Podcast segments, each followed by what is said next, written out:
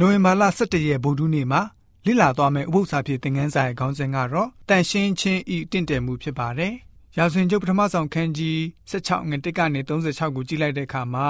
ဒါဝိဒ်နဲ့တိုင်းသူပြည်သားတွေကဆိုလို့ရှိရင်ဖျားရှင်ရဲ့ဂုဏ်တော်ကိုချီးမွမ်းဖို့လှုံ့ဆော်ကြတယ်ဆိုတာကိုတွေ့ရပါတယ်။ကိုးကွယ်ခြင်းနေရာဟာဆိုလို့ရှိရင်တန်ရှင်းရာတဲတော်ဖြစ်ပြီးတော့ရှေးဣတိလလူမျိုးနဲ့ဖျားသခင်အတူတည်ရှိပြီးတော့ကယ်တင်ချင်းစီမံကိန်းဖော်ပြတဲ့နေရာဖြစ်ပါတယ်။ အထူးသတ်မှတ်ထားတဲ့ဗဟိုနေရာဖြစ်တဲ့အပြင်မှာကိုးကွယ်ခြင်းနဲ့ဆိုင်တဲ့ပညာရေးစနစ်ပြီးတော့ယေရှုရှင်အကြောင်းကိုသင်ကြားပေးတဲ့နေရာနဲ့ကယ်တင်ခြင်းစီမံကိန်းဖော်ပြတဲ့နေရာလည်းဖြစ်ပါတယ်။တဲတော်အတွင်းကကယ်တင်ခြင်းစီမံကိန်းဆိုင်ရာဆောင်ရွက်ချက်အားလုံးတို့ဟာ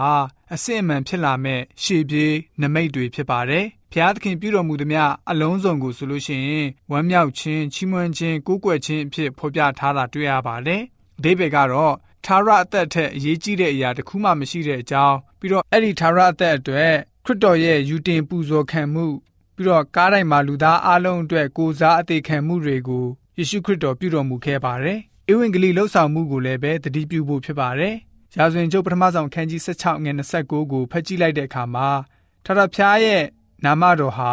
ဘုံကြီးတော်မူတယ်ဆိုပြီးတော့ဝန်ခံကြပါပူဇော်တကားကိုဆောင်ပြီးတော့ရှေ့တော်ကိုချီးကပ်ကြပါတန်ရှင်းတဲ့တစားကိုဆင်ပြီးတော့ထာဝရဘုရားကို ကူးကွယ်ကြပါဆိုပြီးတော့ဖော်ပြထားတာတွေ့ရမှာဖြစ်ပါတယ်အပြစ်ရဲ့ပျက်စီးယူရွေးမှုဆိုးယုံမှုအဆင့်တန်းနှိမ့်ချမှုတွေအကြောင်းကိုပြန်ပြီးတော့လေ့လာသုံးသပ်ကြည့်ပါအပြစ်ဆိုတဲ့အရာဟာဘလောက်ထိဆိုးယုံပြီးတော့ကြောက်လန့်ဖွယ်နဲ့အခြေအနေနှိမ့်ကြတဲ့အကြောင်းကိုကျွန်တော်တို့ခံမှန်းလို့တော့မရတဲ့အထီတောင်ဖြစ်ရပါတယ်အဲ့ဒီအရာတွေကိုဣတိလတိုင်းပြည်ရဲ့ပတ်ဝန်းကျင်မှာကျင့်သုံးနေတဲ့ကိုးကွယ်မှုစနစ်မှာပါဝင်နေတာတွေ့ရပါတယ်။ကိုးကွယ်မှုအကျင့်တလေးတွေမှာ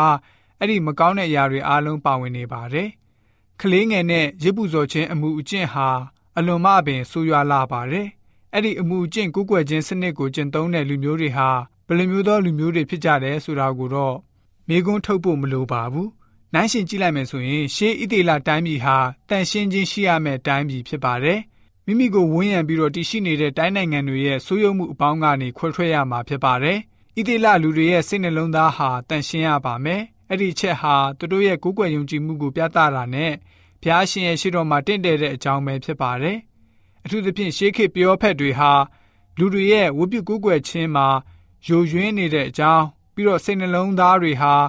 ဘုရားရှင်ထံကနေဝေးကွာနေတဲ့အကြောင်းကို မကြာခဏတတိပေးစန့်ကျင်ပြောကြားခဲ့ပါတယ်ဆိုပြီးတော့ဗုဒ္ဓနည်းဥပု္ပ္ပစာပြေသင်ခန်းစာကဖော်ပြထားပါတယ်။